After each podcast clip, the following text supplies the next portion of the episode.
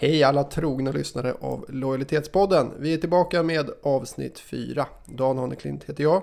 Och jag är Johan Laudon. Kul att Johan och Dan får vara med igen. Härligt. Efter tre eh, sköna avsnitt så är vi alltså tillbaka med avsnitt 4. Och det här blir roligt för nu ska vi träffa en mycket spännande gäst. Just det, vi ska träffa Hanna Manberg som är tidigare VD på Vapiano.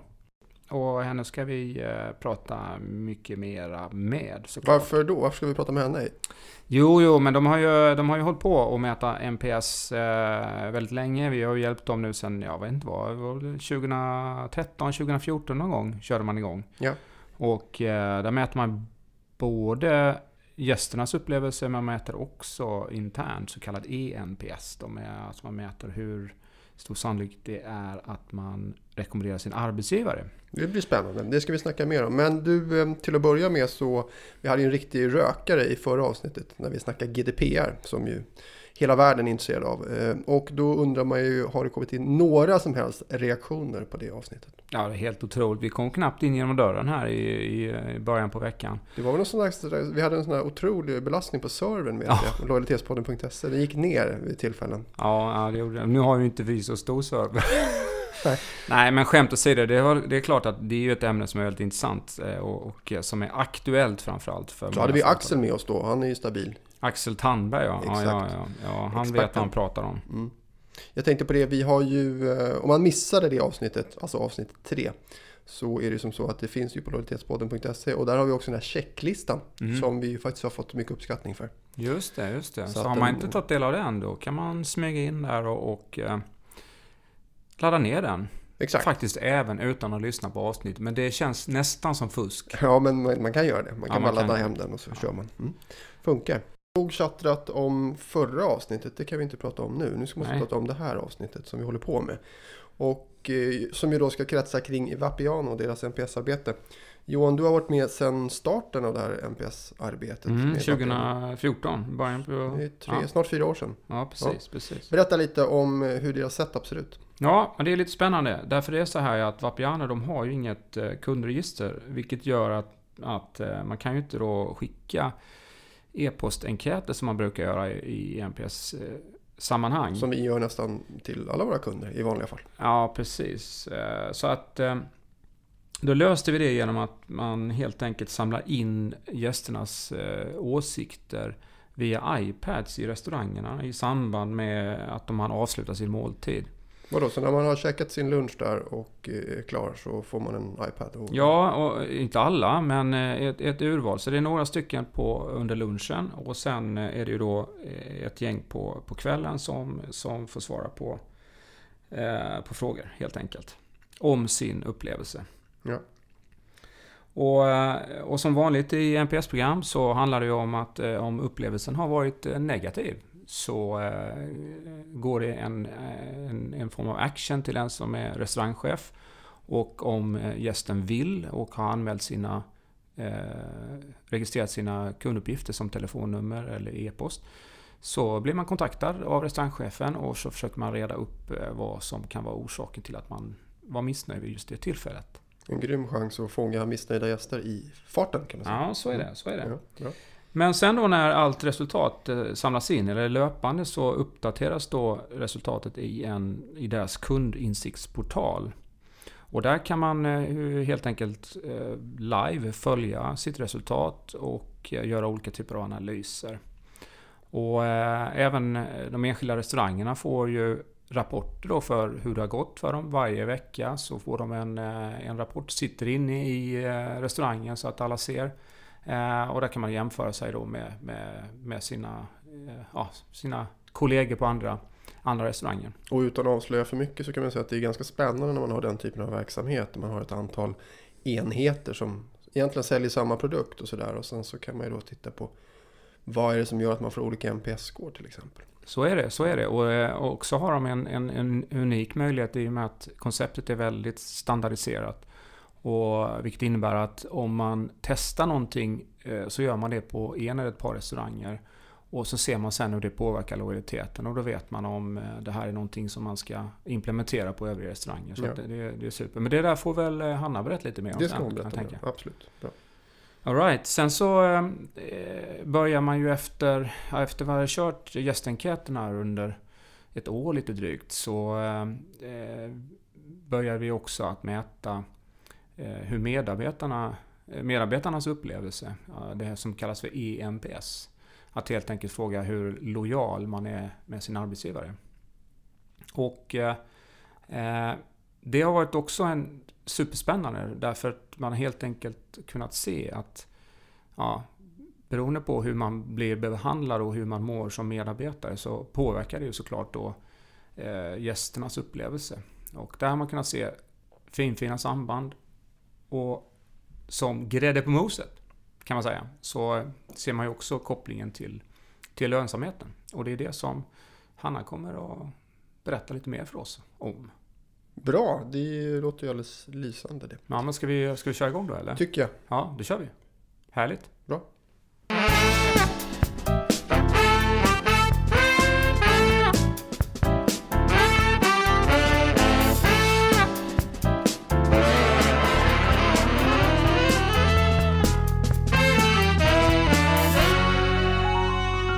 Härligt, då har vi Hanna Manberg från Vapiana här. Välkommen Hanna. Tack så mycket.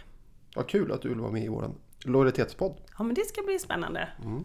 Helt... Se vad vi ska prata om. Ja, eller hur. Ja, men det är, det är ju, eh, ni, har ju, ni har hållit på så länge och mm. har lärt er så mycket.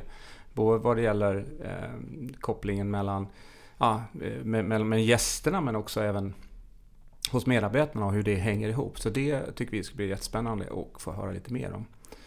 Eh, eller vad säger du då? Ja, absolut. Men först vill vi ju veta lite mer om dig. Vem du är. Ja, nej men jag eh, har varit VD nu på Vapiano i två år. Mm. Eh, och innan jag började på Vapiano som COO, drift och HR-chef. Just det. Eh, och innan Vapiano så var jag, jobbade jag på Compass Group. Och min bakgrund är från HR, ekonom men började med HR-arbete. Mm.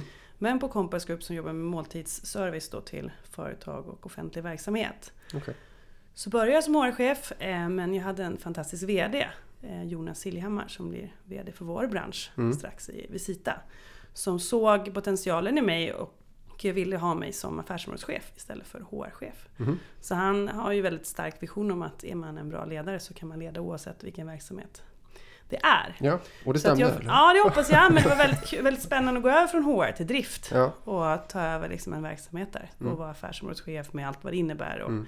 resultatansvar och eh, restauranger och så. Så jag lärde mig restaurangsidan där. Och sen fick jag eh, erbjudande att komma till Vapiano. Just det. Och eh, då var det för att eh, jag tackade ja till det. Just för den här anledningen som vi kommer att prata om också. Och det var att eh, Christian Lagerlöf kontaktade mig och berättade att de vill sätta upp en vision och mission om att Vapiano inte är endast ett restaurangföretag i Sverige utan också vill vara en, en förebild för andra arbetsgivare. Mm. Eh, och, eh, det, kan du, det kan du inte låta bli? Det kunde jag inte låta bli. för då blev min, blev min roll så här, dubbelt så kul. För jag fick jobba både med HR-frågorna och med driftsfrågorna. Då. Mm. Eh, och där sa vi att eh, vi sätter så här, people first, alltså medarbetarna i första rummet. Mm. Och gör vi det så är vi säkra på att vi får nöjda gäster och ett bra resultat. Så utifrån den visionen och missionen så mm. tackade jag till jobbet. I en bransch fylld med ungdomar dessutom. En bransch fylld med ungdomar. Medelåldern är 23, omsättningen är hög. Så mm. det, är, det är en stor utmaning mm. att hinna, hinna få en bra eh, kultur och så vidare. Och vilka verktyg hade du med dig in i det, liksom den rollen då? Eller fanns det verktyg för det här redan på Vapiana? Eller hur liksom när ni diskuterade hur ni skulle nå den här visionen? Mm. Nej, men där är ju kombinationen av att kunna både drift och ledarskap och HR eh, var ju en bra mm. verktygslåda att mm, använda mm. sig av.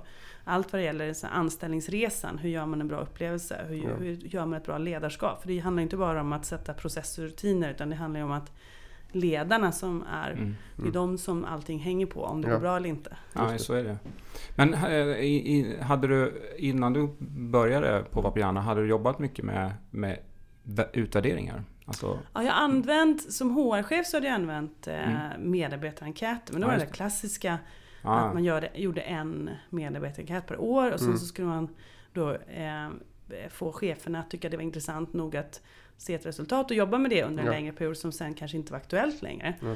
Så jag har alltid upplevt det som en utmaning det där med medarbetarenkäten Mm. eh, faktiskt. Mm. Och jag har känt som HR-chef att det handlar mycket mer om det dagliga och så vidare. Men, Men- dessutom tänker jag också då, i och med Mm. att ni har så himla stor omsättning. Mm. eh, Det, så det blir mer aktuellt att kanske tänka mer frekvens. Ja precis, det blev ju en anpassning som vi gjorde såklart. Mm. Men det Mm. tror jag ändå att andra företag också skulle behöva Mm. tänka på. Mm. Ja.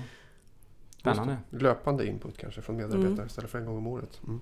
Så när du började, men när, du började på Vapiano, då fanns det redan, då, då fanns den här gästenkäten, eller hur? På, och just NPS Vi hade inte valt NPS som verktyg, det var på gång. Ja. Utan det vi hade gjort är att vi hade bestämt en vision och mission. Mm. Och sen så satte vi samman, eller Christian satte samman den ledningen han ville ha för att alltså förverkliga den visionen Mm, och mm. Och i det arbetet så jobbade ju vi med att ta fram verktyg. Hur vill vi jobba? Mm. För att mäta och se till att det här är något sätt som vi vet att vi lyckas. För att det är ju många som går omkring och säger att, ja men, eller många som går omkring och säger, det är ju en allmän känt att har du nöjda medarbetare och hög trivsel så ökar Ja. engagemanget och Mm, så ökar och så mm. vidare. Eh, på något sätt så känns det som, eller har vi alltid varit övertygade om, vi behöver ju bevisa det. Mm. Och behöver också säga vilka restauranger är det så på, vilka är Mm. vi inte på? Mm. Och hur kan vi påverka det sambandet? Mm. Ja, precis. Mm.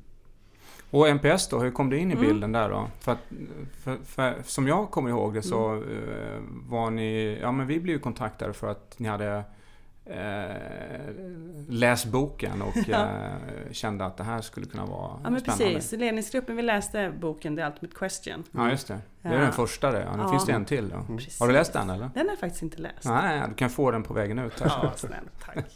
Nej, men den läste vi, gjorde en workshop tillsammans i ledningsgruppen och började titta på, är det här en teori som passar oss? Mm. Och här är det ju väldigt, eh, väldigt unikt på det sättet att restaurang och annan operativ verksamhet kan ju skapa NPS som ett verktyg för ledaren Mm. att använda dagligen. Mm. Och inte bara hamna det på hemsidan och visa upp det, utan det handlar också om ett, ett arbetssätt. Mm. Det. Och det passade oss Mm. eh, så väldigt bra. Mm. Så därför valde vi NPSen som gästsätt. Eh, och då har ni redan gått igenom hur vi gjorde, eller hur vi har mm. gjort. Och vi håller fast vid det arbetssättet. 12 Mm. enkäter om dagen, 6 på dagen, 6 på kvällen. Mm.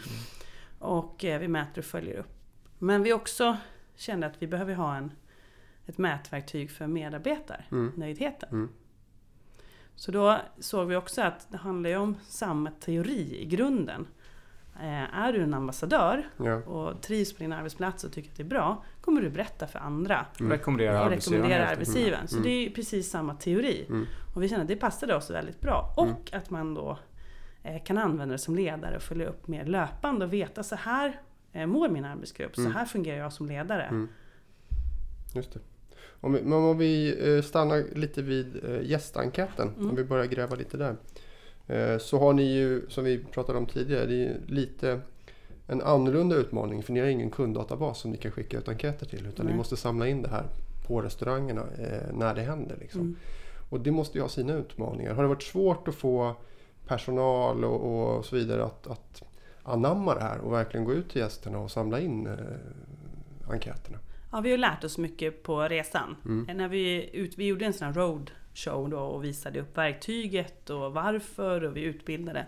Sen har ju vi som du vet en hög personalomsättning Mm, så att mm, vi, vi kan inte gå och göra det hela tiden. ja, Men en sak som vi... Ja, det har varit en utmaning på det sättet att ett nytt arbetssätt är alltid en utmaning. Eh, Mm. Och också att förstå varför det är viktigt för, för restaurangen att jobba med det. mm, Men sen så gjorde vi också, eller vi, jag tycker att det är en, en del av det som vi har lärt oss var att vi, vi mätte alldeles för länge hur många NPS-enkäter de gjorde per Ja, just dag. mm, mm, Istället för att börja mäta scoret ja, Mm. och börja jämföra scoret med restaurang. Det var lite som att vi tyckte det var lite farligt och cheferna tyckte det var lite obekvämt. Och, mm, mm, och vi, vi satte verkligen inte det som ett tydligt, tillräckligt tydligt mål. Utan vi höll på med de här 12 om dagen mm, alldeles för länge. Ja. Och då är också, själv när man tittar tillbaka på det så är det ju väldigt lätt att se att det skapar inget engagemang runt och göra 12 stycken om dagen. Nej. Det har ju inget varför Nej, i nej, sig. måste- Och, så det är lätt att säga i Mm, efterhand. mm. Men det är ju verkligen en rekommendation att jobba med scoret och Mm. jobba direkt med resultatet. ja,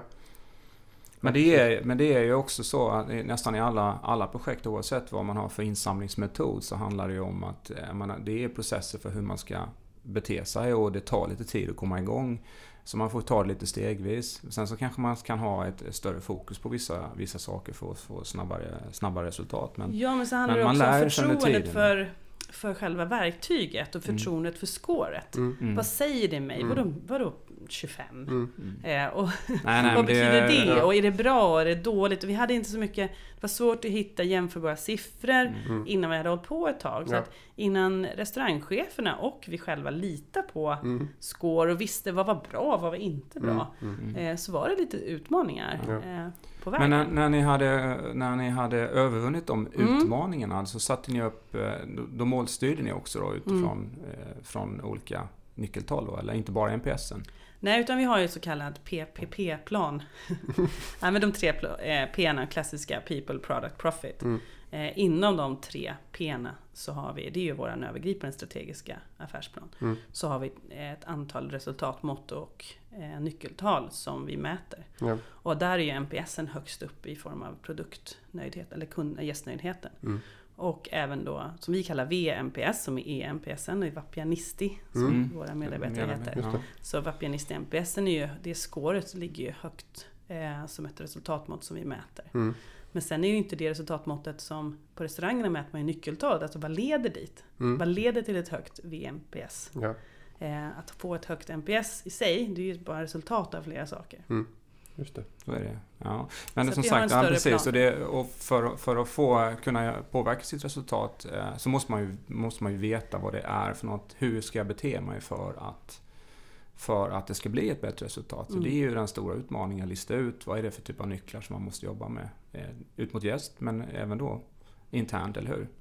Ja, en, det är väldigt intressant. Det var ju eh, någon, en utmaning som vi själva inte vann eh, förrän efter ett tag var ju att restaurangcheferna tyckte att men det är ju samma svar hela tiden. Mm. Och vi själva hade inget bra svar på det. Ja, nej men det är ju det är ju så eller mm, alltså, ja, vi hade liksom ja. inte riktigt lärt oss eh, eh, själva att leda i verktyget. Och då var det ganska intressant för det är, så här, det är ju alltid kö.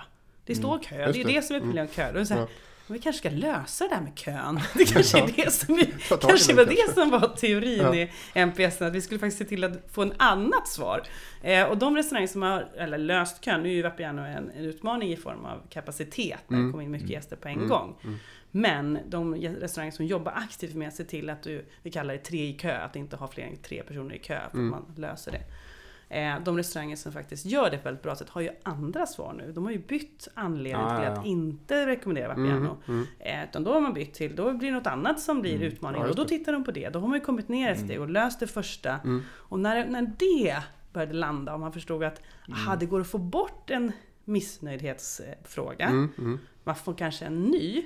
Men jag kan påverka den. Ja. Eh, vi har en utmaning till exempel på en restaurang med atmosfären. Det kommer alltid ja, upp som högst. Att det här mm. är stökigt och högljutt. Mm, mm. Och restaurangen var väldigt liksom frustrerad över det och så försökte hitta olika nycklar till att lösa den här situationen. Mm. Men då skickade vi dit såna här ljudexperter och sen så har vi då eh, ja, haft ljudabsorbenter. Mm. Ja, ja, eh, och satt in lite verktyg. Och nu har den ökat från, jag tror att han sa senast 3,3 av 5. Mm. Att det är 3,7 i upplevelse av atmosfären. Mm. så det har ju mm.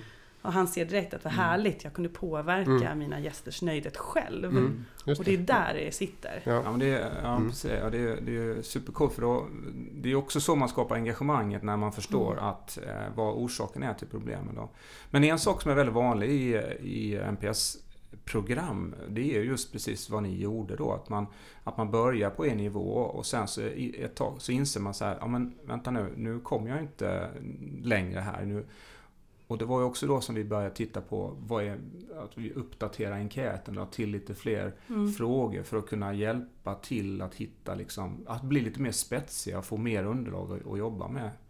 Och det är det som är en stor utmaning för, för, för er jämfört med många andra eftersom det inte finns så mycket kunddata kopplat till. I andra fall så kan man ju ha jättemycket information i form av ja, beteende och mm. andra typer av kontakter och sådär. Mm. Så att det är lite lättare för i många fall att lista ut vad det är som ligger bakom. Mm. Mm. Ja, och de här korrelationsanalyserna som vi har gjort också, ja. med hjälp av er, har ju hjälpt oss att titta på vilka frågor är mest relevanta. Ja, vad är det faktiskt som, som påverkar mest? De har ju varit väldigt nyttiga utifrån ett strategiskt perspektiv. Mm. Också när vi har jobbat eh, med att påverka vår alltså, tyska franchisegivare Mm. Eh, för just det här med systemet och, och gästupplevelsen på Vapiano har ju Mm. vi sålt in nu att vi får göra en ny typ av gästupplevelse, ett nytt flöde på Stureplan hos Vapiano. Ja. Och det har ju varit mycket baserat på att vi kan visa på att vi har 30 000 svar. Mm. Det pekar på de här, de här parametrarna Mm. och vi Mm. behöver påverka gästupplevelsen på det här sättet. Och då har vi ju använt datan väldigt mycket i NPSen. Vi säger att vi återkommande är de här tre sakerna som är Mm. utmaningen för restaurangen.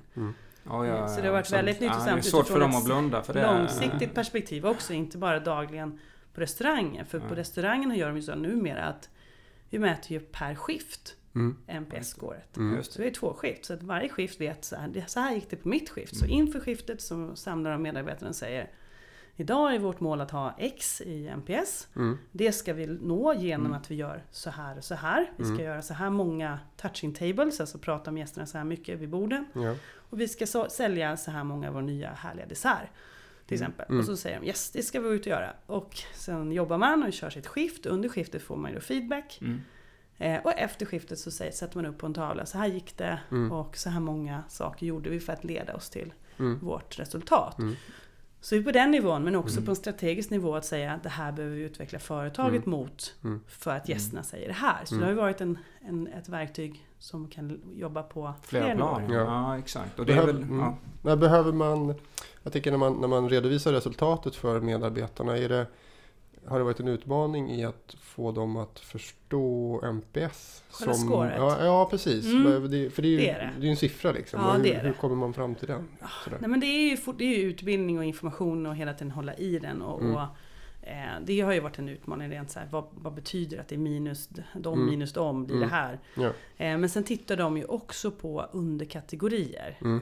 Så de ser ju så här, till exempel har vi vi har skala 1 till 5, hur nöjd är du med matens kvalitet eller atmosfären och så vidare. Och där, det, när de ser att om jag till exempel restaurangchefen i Ga- Gamla stan, Mm. när han såg att atmosfären, nöjdheten har gått upp och han också ser att sitt totala score går upp. Mm. Det är då det. engagemanget Mm. ökar. Så Mm. då förstår man också Mm. att den går upp. Då blir Mm. inte siffran... Nej. Men nu har vi jobbat med den här scoret så många år. Mm. Så nu Det vet vi vad som är ett bra Mm. resultat. Mm.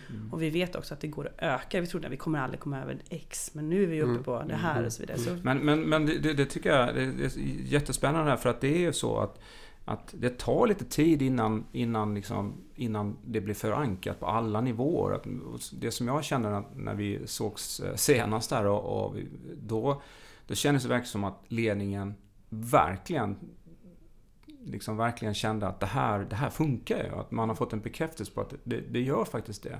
Och det tar ju lite tid, eller hur? det tar tid och du behöver vara... äh, Det behöver, för min eh, rekommendation är att det behöver vara en del av en större plan. Mm. Det behöver vara en del av ditt strategiska affärsmål Mm. eh, liksom mål och dina Mm.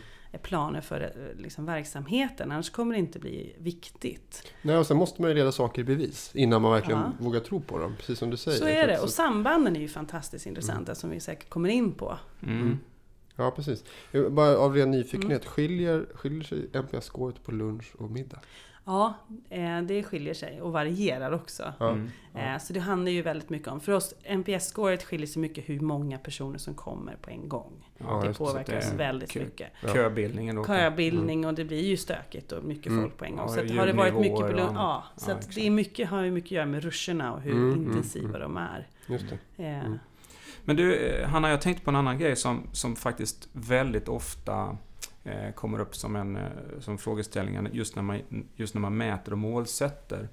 Eh, och det är ju det där som vi, som man i branschen kallar för gaming, alltså att man som medarbetare då till exempel, eller att man fuskar med, med, sina, med sitt score och försöker att på alla möjliga sätt och kanske svara själv på enkäterna och på, på ett eller annat sätt justera och fubba med siffrorna. Är det någonting Mm. som ni har märkt av eller eh, var det något som hände i början eller vad?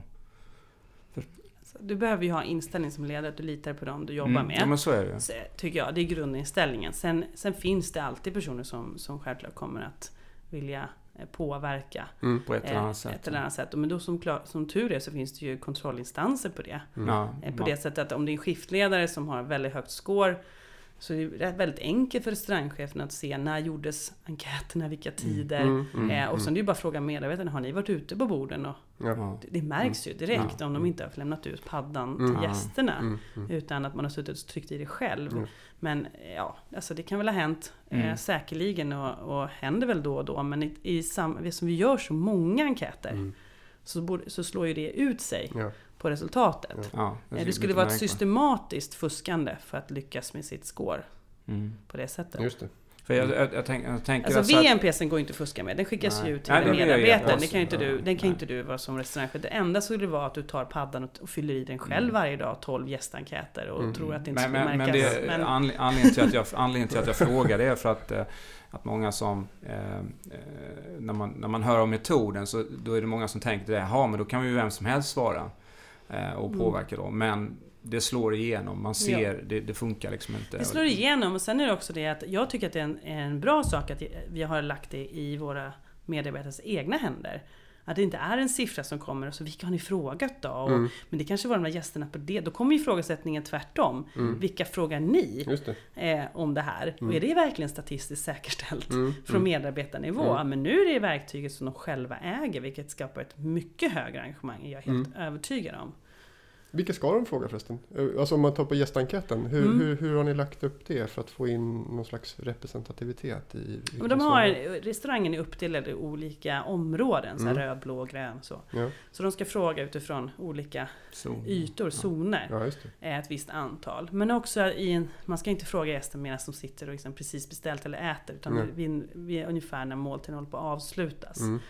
Så sen har vi då mer ett form av att de kan ju inte gå omkring och tänka hur nu ska jag träffa, liksom fråga en man i 30-årsåldern. Utan det, ju, det, det, utan det sprider ju ut sig sen för vi Ja. gör så himla många enkäter. Just det. Det blir representativt med Det tiden blir representativt med tiden. Ja. Vet ni hur, har ni fått någon feedback från gästerna förresten? Vad, vad tycker de om att svara på enkäten? Vet ni det? Nej men jag tror att det är många tycker att det är positivt. Eh, vi får, eh, det är ju samma sak med, jag, det kan vara gå till sig själv. Att veta att man kan ge personalen positiv feedback Mm, mm. innan man lämnar stället tycker Mm. jag alltid är positivt. Jag Mm. älskar att trycka på de här gröna knapparna på Bauhaus och, och Eller om du är riktigt ilsken. Ja, Ja, Ja, men då skulle jag hellre säga till chefen tror jag. Nej men jag tror att det är så här, jag vet ju att personalen får väldigt mycket positiv uppmärksamhet av Ja. att det går bra för dem. Mm. Eh, Men- och det vill men, man ju eh, hjälpa till. Och, Om inte annat så ser man väl det mycket eh, i, i fritextvaror att man säger att, eh, eller man ser att eh, personal som nämns vid namn liksom att Mm. eh, han och hon är kanon och sådär. Så, Mm. Ja precis. f- Och det ser de ju sen. Eller? Det ser de ju. Ja, Ja. Så att det är ju också sånt som skapar engagemang såklart. Men hörru, ska vi, ska vi gå över och prata lite mer om just medarbetardelen? Ja, vi har varit inne på det. Mm. Men jag tänker på hur den... För det är många, väldigt många som, eh, som fun- funderar på att börja mäta eh, NPS eller EMPS, alltså mäta mot medarbetare. Och eh, bara beskriva lite grann hur ni tänkte där och hur det ser ut. Mm. Så kan vi gå över sen och prata om liksom det som kanske är mest intressant, så är de här sambanden. Mm. Mm. Nej, vi började ju mäta eh, det kallar, ja, medarbetar in, eller nöjdheten eller lojaliteten Mm. eh, utifrån medarbetarresan egentligen. Alltså när, vi, vi frågar ju då eh, det som är rekommendationen är att du behöver titta på din verksamhet. Vad är viktigt i din personalresa? Mm. Eh, och för oss är det väldigt viktigt att reda på att vi har ju gruppintervjuer när vi rekryterar. Mm. Då vill vi veta hur funkar de? Ja. Eh, de som går därifrån, varken, oavsett om de har fått jobbet eller inte, vill vi Mm. veta hur var din upplevelse och skulle du rekommendera oss? Så det bestämmer sig att det är ett, en typ av enkät som vi Mm. skickar ut. Mm. Sen har vi ju en väldigt viktig fas och det är ju introduktionen. Det är en viktig Just på alla företag. Ja. Eh, i, även hos oss eftersom vi anställer personer utan erfarenhet. Just. Eh, så då, eller tidigare från, restaurang. Då är det väldigt viktigt hur upplevs den perioden? Mm. Fick de rätt verktyg från deras trainer? Eh, och hur de utbildade på sina stationer. Mm. Så då skickar vi, då bestämde oss introduktion blir en egen enkät. Ja. Och även avslut då. När du har slutat så vill vi veta oavsett anledning till att du slutat. Mm. Så vill vi veta hur skulle du fortfarande rekommendera Vapiana som arbetsgivare Mm. eller inte? Och varför? Mm. Sen har vi den stora enkäten. Och det, är ju un- det kallar vi under anställning. Tror Ja, jag den. Mm. Eh, och den är ju då efter ett visst antal månader så får alla enkäter numera varje månad. Mm. Och den frågar ju utifrån våra värderingar så här, eh, som är glans, som är glädjespridare, lagspelare, alltid noggrann och servicefokuserad. Ja. Så den ställer ju frågor utifrån, har vi det värderingsstyrda ledarskap som vi vill ha? Mm, mm. Det vill säga, känner, är det roligt att gå till jobbet? Hjälper ni varandra? Får du den feedback som behövs? Mm. Följer ni Vapiano standard? För det är en väldigt viktig fråga hos oss. Mm, mm, är en franchise, franchise. Mm. Och har ni en servicefokuserad eh, ja, kultur på er arbetsplats och så Mm. vidare. Och så har vi också självklart frågor kring hur fungerar ledarskapet och eh, finns det några typer av så- konflikter och så vidare. Det. Och det är den här som är den stora som vi sen jobbar med med, med restaurangen när den är ongoing, så Mm, att säga, mm, mm. varje månad. Eh, men det är väldigt lätt att se om det totala scoret är ändå en, en det är ju en ehm, det är ju på alla delar av enkäten. Ja. Så, så totala eh, medarbetar-NPS-scoret Mm. blir ju lite svårt Mm. att hantera.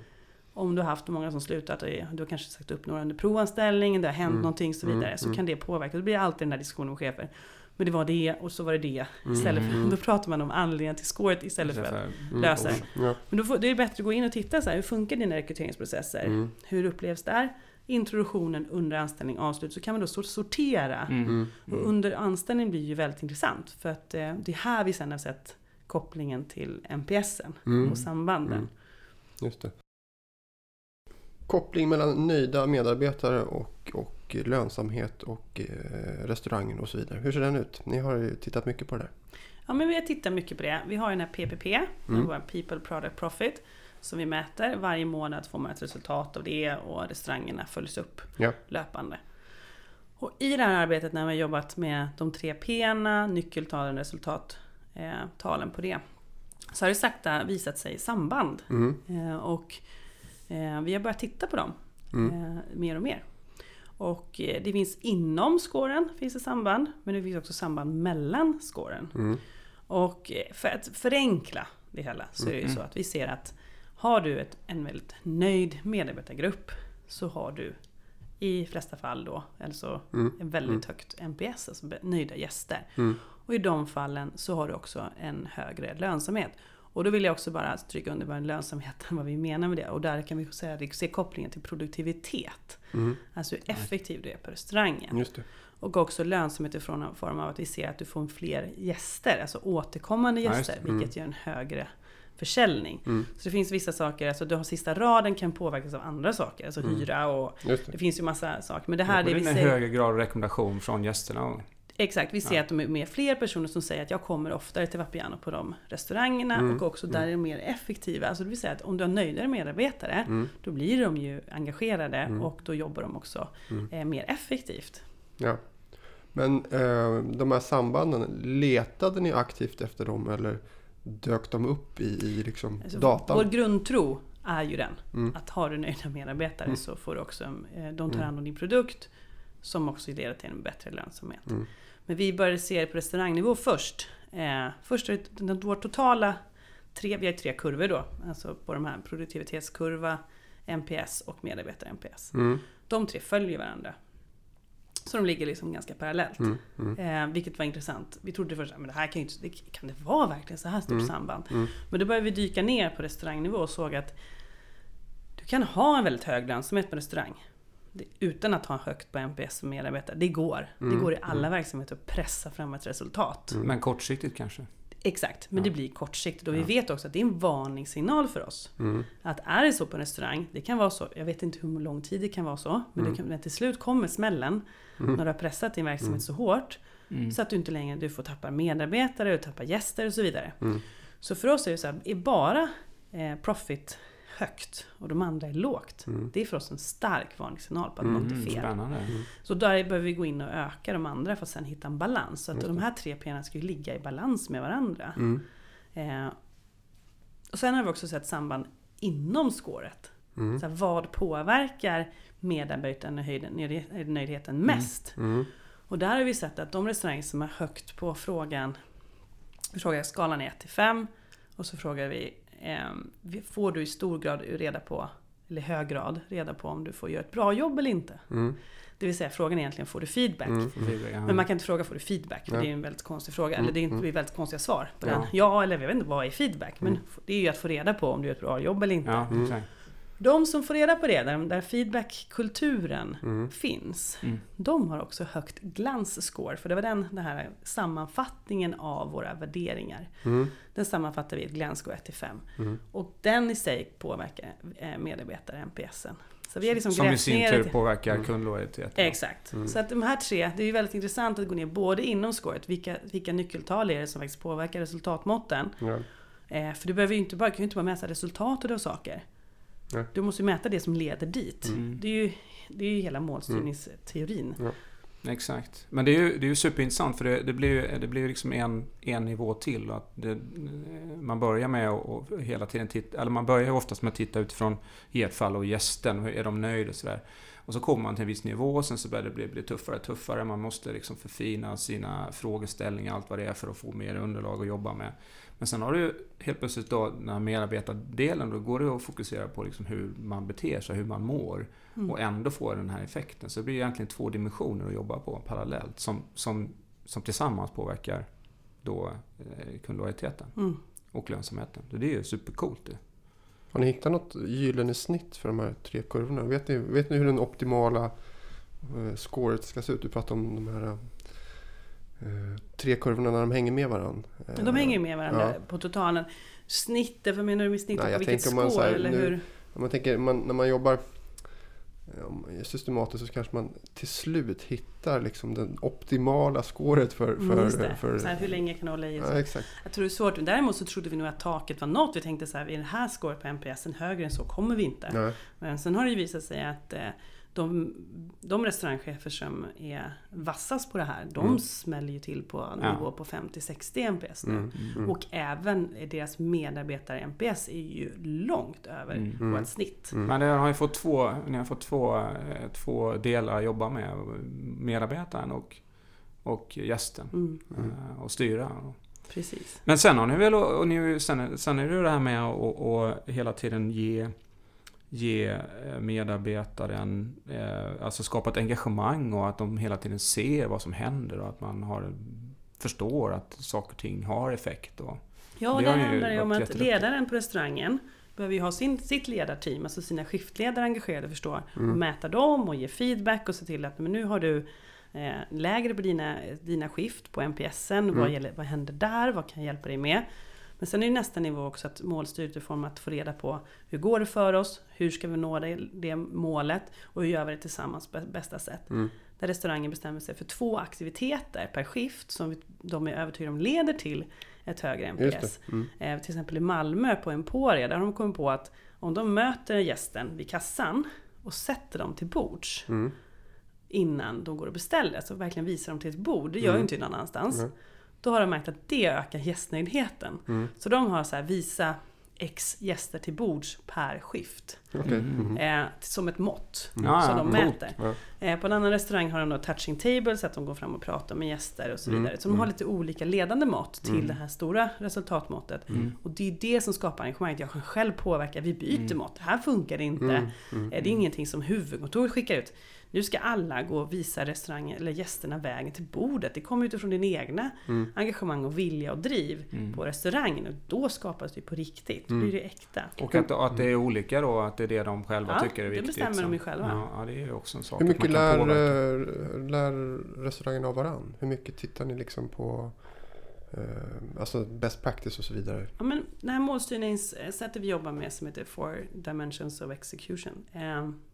Eller the Four Principles. De, där jobbade vi med där möts de varje vecka, restaurangcheferna i ett forum och Okej, pratar mhm. och berättar. Så här ligger vårt NPS till, så här jobbar vi och det här vi löst och så vidare. Så kan ju ställa frågor, hur gör Mm. ni där? Mm. Så kommer kanske det här bra exemplet från eh, Malmö Mm. till exempel. Mm. Och så säger någon, "Ja, det där skulle funka hos mig. Mm. Jag testar det. Mm. Eh, Mm.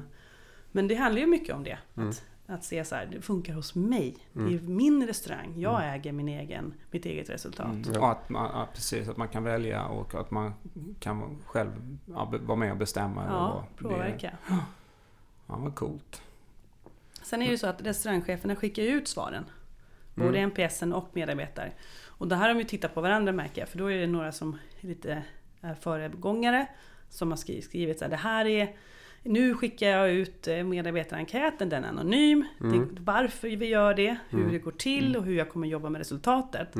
Mm. Och de som har gjort det har ju fått ökad svarsfrekvens. Ja. Och då har jag sett att, och vi har ju det här, vi har ju, vi har ju Facebookgrupper på restaurangen. Då ser ju de andra restaurangcheferna, jaha den gjorde så. Mm. Så är jag med.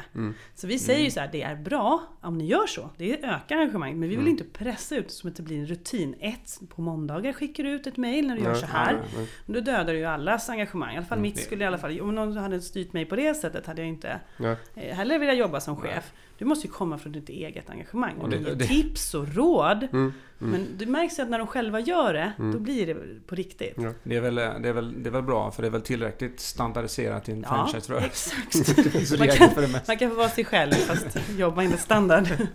Ja, men vad coolt. Vad, vad, säger, eh, vad, vad, vad säger vi nu då? Eh, Vi har ju vårt flipp eller flopp-inslag, Hanna. Just det. Det känner du till.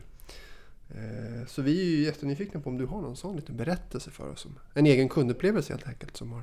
Mest av allt handlar det om att vi gärna vill spela vår flipp eller flopp-jingel. Ja, det också. Vi, vi Jaha okej. kul. Ja, så skulle jag förstöra det nu inte, genom att inte ge er en flipp Nej. eller flopp. Vi får den. Nej. Nej. Ehm, nej men jag, jag tänker ju väldigt mycket på gästupplevelser, vart än jag är. Men jag tänker ju mycket utifrån ett driftsperspektiv. Jag tittar ju på vad som är bakom. Mm. Jag till exempel i somras, eh, där det var totalt kaos i en kö till Mm. mat, eh, till en servering. Eh, och det var en väldigt frustration i, hos gästerna. Och de var Mm. väldigt, väldigt stressade över att det tog för lång tid. Och jag titt, så tittade på hur de jobbade där i köket och sa det här, alltså, vi hade ju ingen, ingen som styrde upp dem utan de gjorde fel. Så alla var på fel plats. Mm. Alla. De har också dess- dessutom ställt en stackars kille i kassan, skulle ta beställningar och ta betalt, som var ny. Mm. Så han fick ställa frågor till köket hela tiden. Så här, vad, eh, finns det, är det gluten i köttbullarna? Eller, så här, och kockarna eller de Mm. Här bak, bakom blev irriterade på honom. Som sa så här, ah, men läs i menyn! Och, Ah, och han så här, man såg liksom svetten rann och han såg den här kön och alla var irriterade. Och jag tänkte så här, gud jag tycker så synd om Vad dem. taskigt att ha lämnat Och ut. då är, det så, då är det så lätt att som gäst säga så här, ja, gud vad dåligt. Mm. Man hade ingen koll på det där. Och det är ju det man gör. Det är så man kanske tänker. Om man inte är Men jag skulle tänka så här, här är en riktigt dålig chef. Ja. Så tänker jag ofta. På Bauhaus Ja. som jag gör någonting och de är jätteglada och nöjda och de springer runt och hjälper. Och tänker så här, gud vad kul, de har en bra chef. Mm. Mm. Grattis till Bauhaus, eller var jag nu är någonstans. Mm. För att det som påverkar medarbetarnöjdheten är den närmsta chefen. 80% av engagemanget kommer från närmsta chef. Mm. Så är du någonstans och du får en dålig gästupplevelse, då vet du, här är det en ganska dålig chef. Det kan vara otur, att en medarbetare just då hade för som en dålig dag. Mm, mm. Eller en, liksom inte visste hur du skulle hantera en situation. Mm. Men, men jag, jag skulle säga att 90% av fallen där du får en dålig gästupplevelse är en dålig chef på plats just då. Ja, det är ju spännande. Han har fått oss att se bortom själva kundupplevelsen. Du, Man gör analysen på plats i butik helt enkelt. Och, Jag Kan man- tittar dig runt omkring. Men så, det är faktiskt kan- ganska intressant. Gå in på Konsum eller vad det nu är, eller det heter inte längre, Coop. Ja. Coop. Då går du in och så, så tittar du så här, ler man här? Tycker man Mm. det är kul? Står man liksom med lite extra engagemang? Eller hur beter sig medarbetarna och så vidare? Och får du det här lilla extra i Mm. gästnöjdheten, eller gästupplevelsen, Mm. då vet, kan du garantera att här har de en härlig stämning. Och det är Mm. ofta på grund av vilken chef de har. Mm. Jag har ju själv jobbat många sådana yrken, där det är så här, ja, men man jobbar på golvet Mm. eller så. Mm. Och då vill jag inte nämna vilken butik det var, men jag jobbade i en butik där inte skiftledaren visste vad jag hette Mm. efter två år. Mm. Eh, då kan jag säga att min, mitt beteende mot kunden Nu ska jag bli var inte på chef, topp. tänkte du. Ja, det tänkte jag. Nej, men då, det, det var inte på topp. För jag tyckte inte att det var kul att vara där. Eh, men jag jobbade också på McDonalds när jag var 16 och hade en superbra chef. Då jag visste när jag kom in på lördagen visste jag så här, ja du här är ju här är leksaken som du ska göra, det här är vad du ska sälja, det här är tävlingen. Ha det så kul, kul att du är här Hanna, vi har liksom sett fram emot att det är lördag du kommer, yay tänkte jag. Mm. Och gick ut och gjorde ett bra jobb. Mm. Så där handlar ju mycket om chefen. Mm. Ja, Så ja, vi kan så- köra jingeln nu då. Tju. Nej men tar vi den. Jingeln den får vi- kommer. den- Nej då, men, eh, ja, men spännande.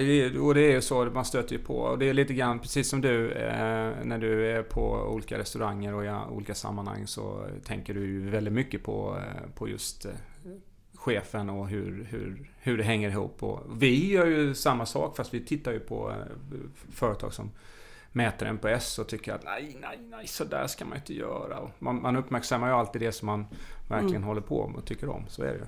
Bad profits brukar vi gilla Ja, att titta bad på. profit. Vi ska ha ett avsnitt som bara handlar om bad profit. Du vet vad en bad profit är va? Uff, ja, det är en sån här...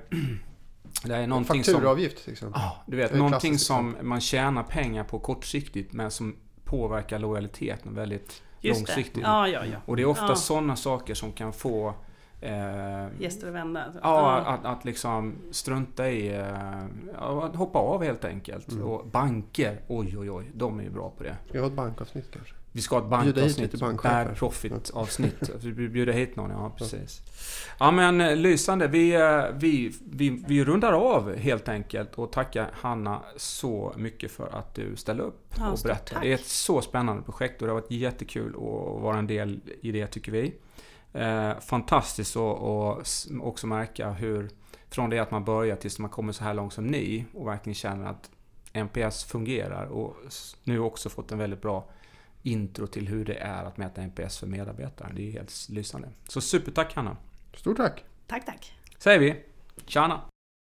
Ja, och så vill vi förstås tipsa också om material på lojalitetspodden.se som vi har till varje avsnitt. Och, till det här avsnittet finns det då ett fint exempel på en medarbetarundersökning med fokus på NPS. Så den tycker jag att man ska ladda hem och eh, latcha med. Ja, precis. Härligt, då tackar vi för avsnitt 4. Ja. Ses avsnitt 5. Tjena! Hej då! Hej! Du har lyssnat på Lojalitetspodden avsnitt 4 om INPS. Läs mer på lojalitetspodden.se.